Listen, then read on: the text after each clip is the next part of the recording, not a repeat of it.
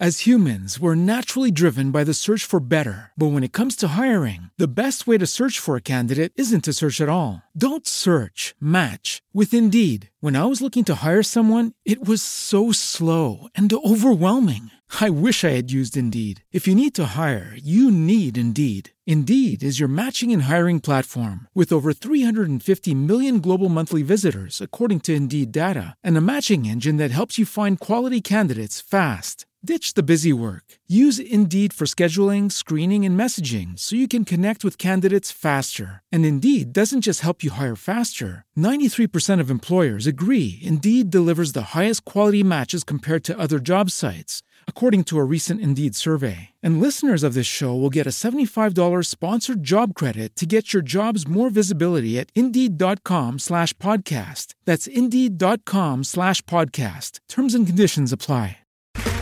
Okay, round two. Name something that's not boring. A laundry? Ooh, a book club. Computer solitaire, huh? Ah, oh, sorry, we were looking for Chumba Casino.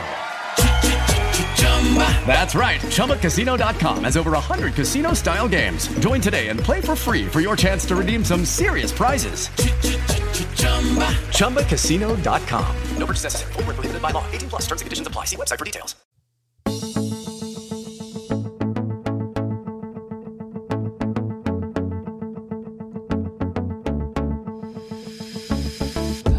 Hola i benvinguts al podcast de l'Aula Creativa Virtual. El meu nom és Paulino García, sóc mestre d'Educació Primària i en aquest capítol m'agradaria eh, fer una reflexió sobre un aspecte molt important que ens afecta a tots, com és eh, l'hàbit lector. Un hàbit lector que segons els, els últims estudis eh, del Centre d'Investigacions Sociològiques eh, cada vegada estem perdent més eh, entre no només els més petits, sinó a nivell general, en totes les edats.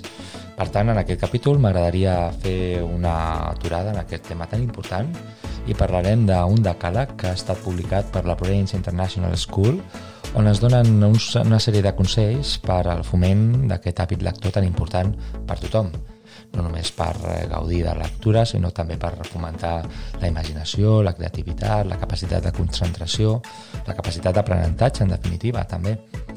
Doncs si t'agrada la lectura i vols conèixer alguns d'aquests consells i aprendre eh, coses noves, doncs no ens deixis d'escoltar i et convidem a passar una bona estona amb nosaltres. Comencem.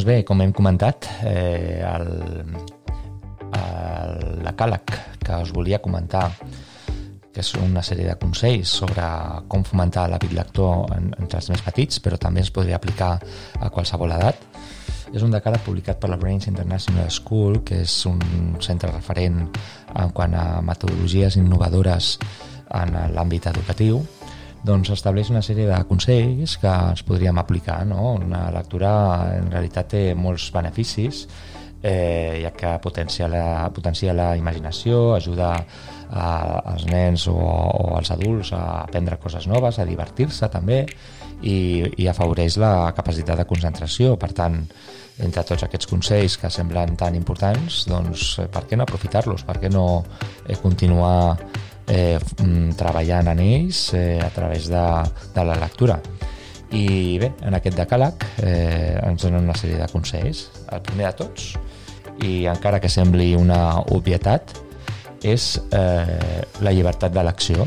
És a dir, el nen la nena hauria de tenir llibertat eh, per eh, eh, llegir aquell llibre que li agradi en el seu temps eh, lliure, no? en, el seu, en el seu espai i temps personal doncs, eh, tots els nens tenen una capacitat crítica per veure si aquell llibre els agrada, la temàtica és del seu gust i per tant hem de potenciar això perquè seguint el segon punt d'aquest decàleg no hem d'imposar una lectura que no agradi a un nen. Hem de, no hem de tenir por a que comencin un llibre i que el, el, els pocs capítols no els agradi, és normal. I per tant hem d'incentivar aquesta lectura fent veure que la lectura pot ser un, un hobby més, un passatemps més i no associar-lo a, a una lectura de caire més acadèmic o escolar on, on diguéssim, ho poden associar amb, amb l'avorriment, potser, o amb una imposició que no és, no és l'objectiu. Per tant, eh, la lectura s'ha d'entendre com, com, una, com un joc, que té com un caire amable i lúdic, on, eh, on poden eh, afavorir, diguéssim, eh, aquesta, aquesta curiositat que tots els nens i nenes tenen i per tant hem de fomentar que puguin trobar eh, la temàtica més adient, que puguin eh, aprofundir en allò que més els agrada i, i per tant la lectura eh, ha de convertir-se en un acte de, de gaudiment d'aquell moment, de, de plaer i, i, i fugir d'imposicions o de, o de lectures que potser ens, eh, ens poden recomanar o ens poden, ens poden dir que poden ser adients pels nostres eh, alumnes o fills o filles i realment cada nen, cada nena és diferent, té les seves pròpies inquietuds, la seva pròpia capacitat crítica per entendre si aquell llibre li agrada més o menys i per tant eh, hem de fomentar que, que aquesta llibertat d'opinió sigui aplicada en l'elecció del seu llibre. Per altra banda, eh, un altre consell que ens donen eh, en aquest decàleg és el foment de, de, cre de creació d'espais creat mm, diferents, diguéssim, eh, per eh, la lectura, que no sempre sigui potser l'escriptori no? d'una habitació, ja que potser es pot associar més als estudis, no? a, la, a la vessant més escolar o acadèmica i als nens eh, els agrada molt la imaginació, tenen molta creativitat i per tant eh, si podem trobar un espai també igual de creatiu també els hi pot motivar més a, a continuar aquest, aquest hobby, aquesta, aquesta afició podem trobar llocs inversemblants on poder gaudir de la lectura en un racó eh, habilitat per, per això potser si teniu eh, alguna habitació, algun raconet el podeu ambientar d'alguna manera perquè pugui gaudir de la lectura Bé, suposo que els nens tenen més creativitat en aquest sentit que els adults i, i poden trobar llocs inversemblants on poder gaudir de la lectura. En aquest sentit, si aconseguim motivar-los, aconseguim que aquesta afició eh, ja, ja, ja estigui rodada en, el, en, el, en, la seva, en la seva ment, en la seva, en la seva rutina, doncs has d'establir també un temps, un, un habitual, no? que pot ser, per exemple, eh, abans d'anar a dormir, no? un moment de, de tornar a la calma no? I, i que puguin desconnectar una mica de, dels aparells eh, electrònics que tenen més al seu abast i que poden posar-los més, més, més nerviosos, eh, com poden ser la, la televisió, la, una videoconsola, eh, doncs tot, tot això doncs, si s'estableix una, una rutina també en el temps de, de lectura quan s'ha de, de, de intentar fomentar aquesta, aquest hàbit lector doncs facilitem també que el nen ho interioritzi i que pugui aplicar-ho més sovint. Per tant, eh, hem d'intentar que el llibre o llibres estiguin el més a l'abast possible de, dels més petits i no ens podem tancar al món digital, segons ens indiquen en el seu punt 6 d'aquest decàleg, ja que el món digital eh, també ens ofereix més possibilitats de trobar noves eh, opcions literàries i també doncs, eh, hi ha dispositius que també eh, afavoreixen aquest relaxament abans d'anar a dormir amb, amb una llum més, més atenuada no? perquè no, que no afecta a la vista de, de, de, de qui llegeix i per tant doncs, és una oportunitat nova que potser eh, eh, persones més grans eh, no han tingut l'oportunitat de gaudir.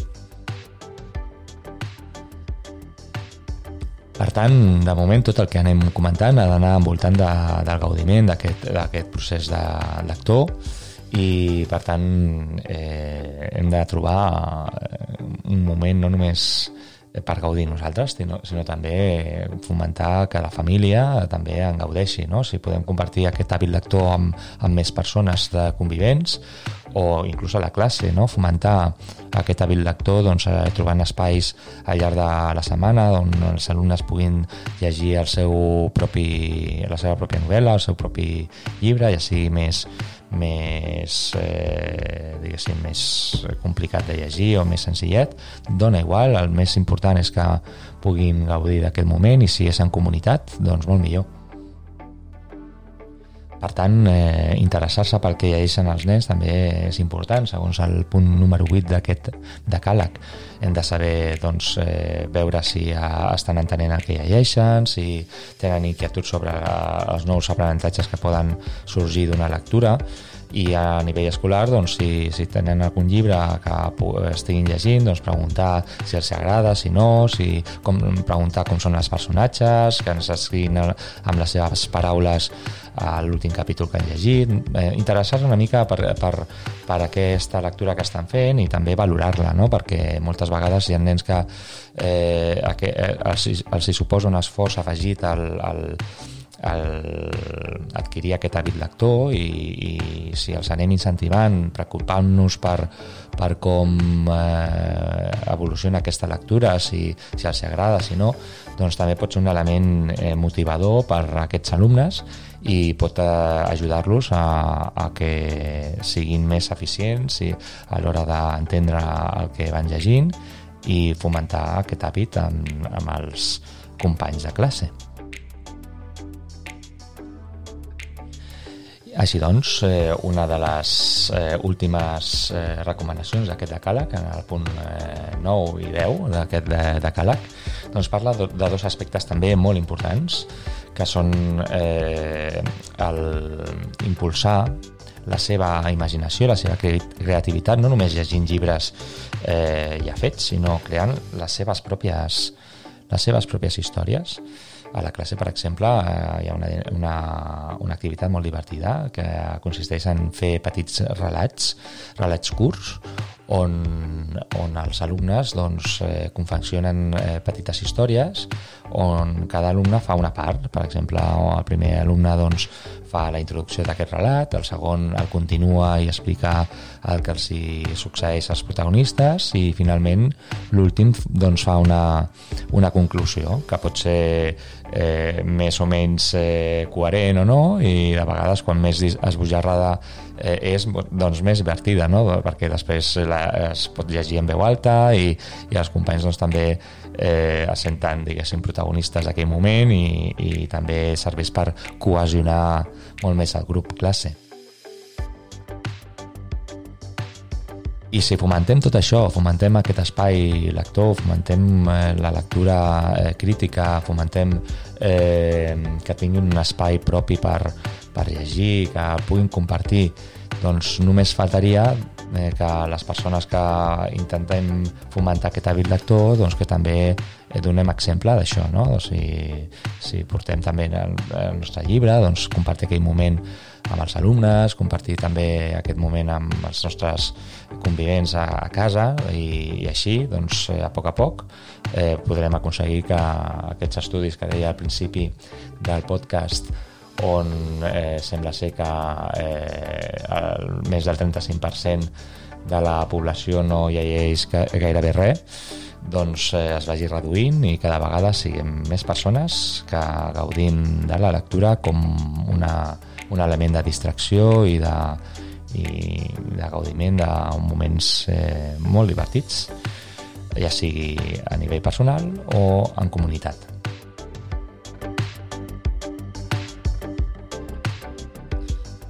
Doncs aquests serien aquests consells que, que volia comentar volia comentar avui i espero que us hagin agradat. Si algú de vosaltres eh, coneix altres maneres de, de fomentar l'hàbit lector, doncs eh, us recordo que, que podeu participar en el nostre podcast enviant-nos algun eh, petit eh, àudio o nota de veu eh, a través de les nostres xarxes socials de Facebook, Twitter, Instagram i les farem arribar als nostres oients en els propers capítols.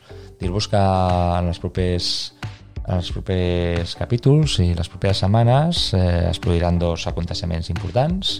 El primer ja el vam comentar en capítols anteriors, que és la participació en la segona jornada MIAC eh, de, de forma telemàtica, on explicarem eh, un dels projectes que es va dur a terme i que dona nom a aquest podcast, que és el concurs de contes educatius de l'Aula Creativa Virtual, eh, on explicarem i defensarem aquesta, aquesta experiència que es va dur a terme al Col·legi Cultural de Badalona. I per altra banda aviat també tindrem a, en el nostre podcast eh, la, la visita de, de el nostre amic, eh, podria, eh, perquè no, no cal amagar-ho, no? és un gran amic meu, que, Nacho García, que té la, la possibilitat de compartir amb nosaltres el seu procés creatiu en la creació d'una novel·la infantil i juvenil i ens explicarà doncs, els detalls no? de com, com l'ha dut a terme, que, quins problemes s'ha trobat i per tant eh, és una gran oportunitat per conèixer eh, l'altra banda. No? Si parlem de foment de la lectura, doncs també fomentar aquelles persones que, que dediquen el seu temps perquè les altres persones se'n gaudeixin de, de la lectura com espero que sigueu tots vosaltres. Sense res més a dir, m'acomiado de vosaltres, esperant que us hagi agradat el capítol i us convido a retrobar-nos més endavant en noves temàtiques en el podcast de l'Aula Creativa Virtual. El meu nom és Paulino García i ens veiem ben aviat.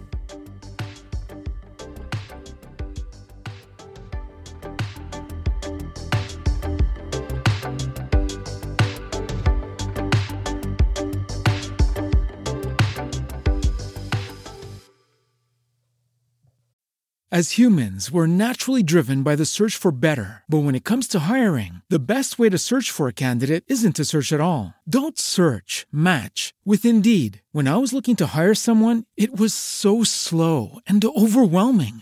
I wish I had used Indeed. If you need to hire, you need Indeed. Indeed is your matching and hiring platform with over 350 million global monthly visitors, according to Indeed data, and a matching engine that helps you find quality candidates fast. Ditch the busy work. Use Indeed for scheduling, screening, and messaging so you can connect with candidates faster. And Indeed doesn't just help you hire faster. 93% of employers agree Indeed delivers the highest quality matches compared to other job sites, according to a recent Indeed survey. And listeners of this show will get a $75 sponsored job credit to get your jobs more visibility at Indeed.com slash podcast. That's Indeed.com slash podcast. Terms and conditions apply.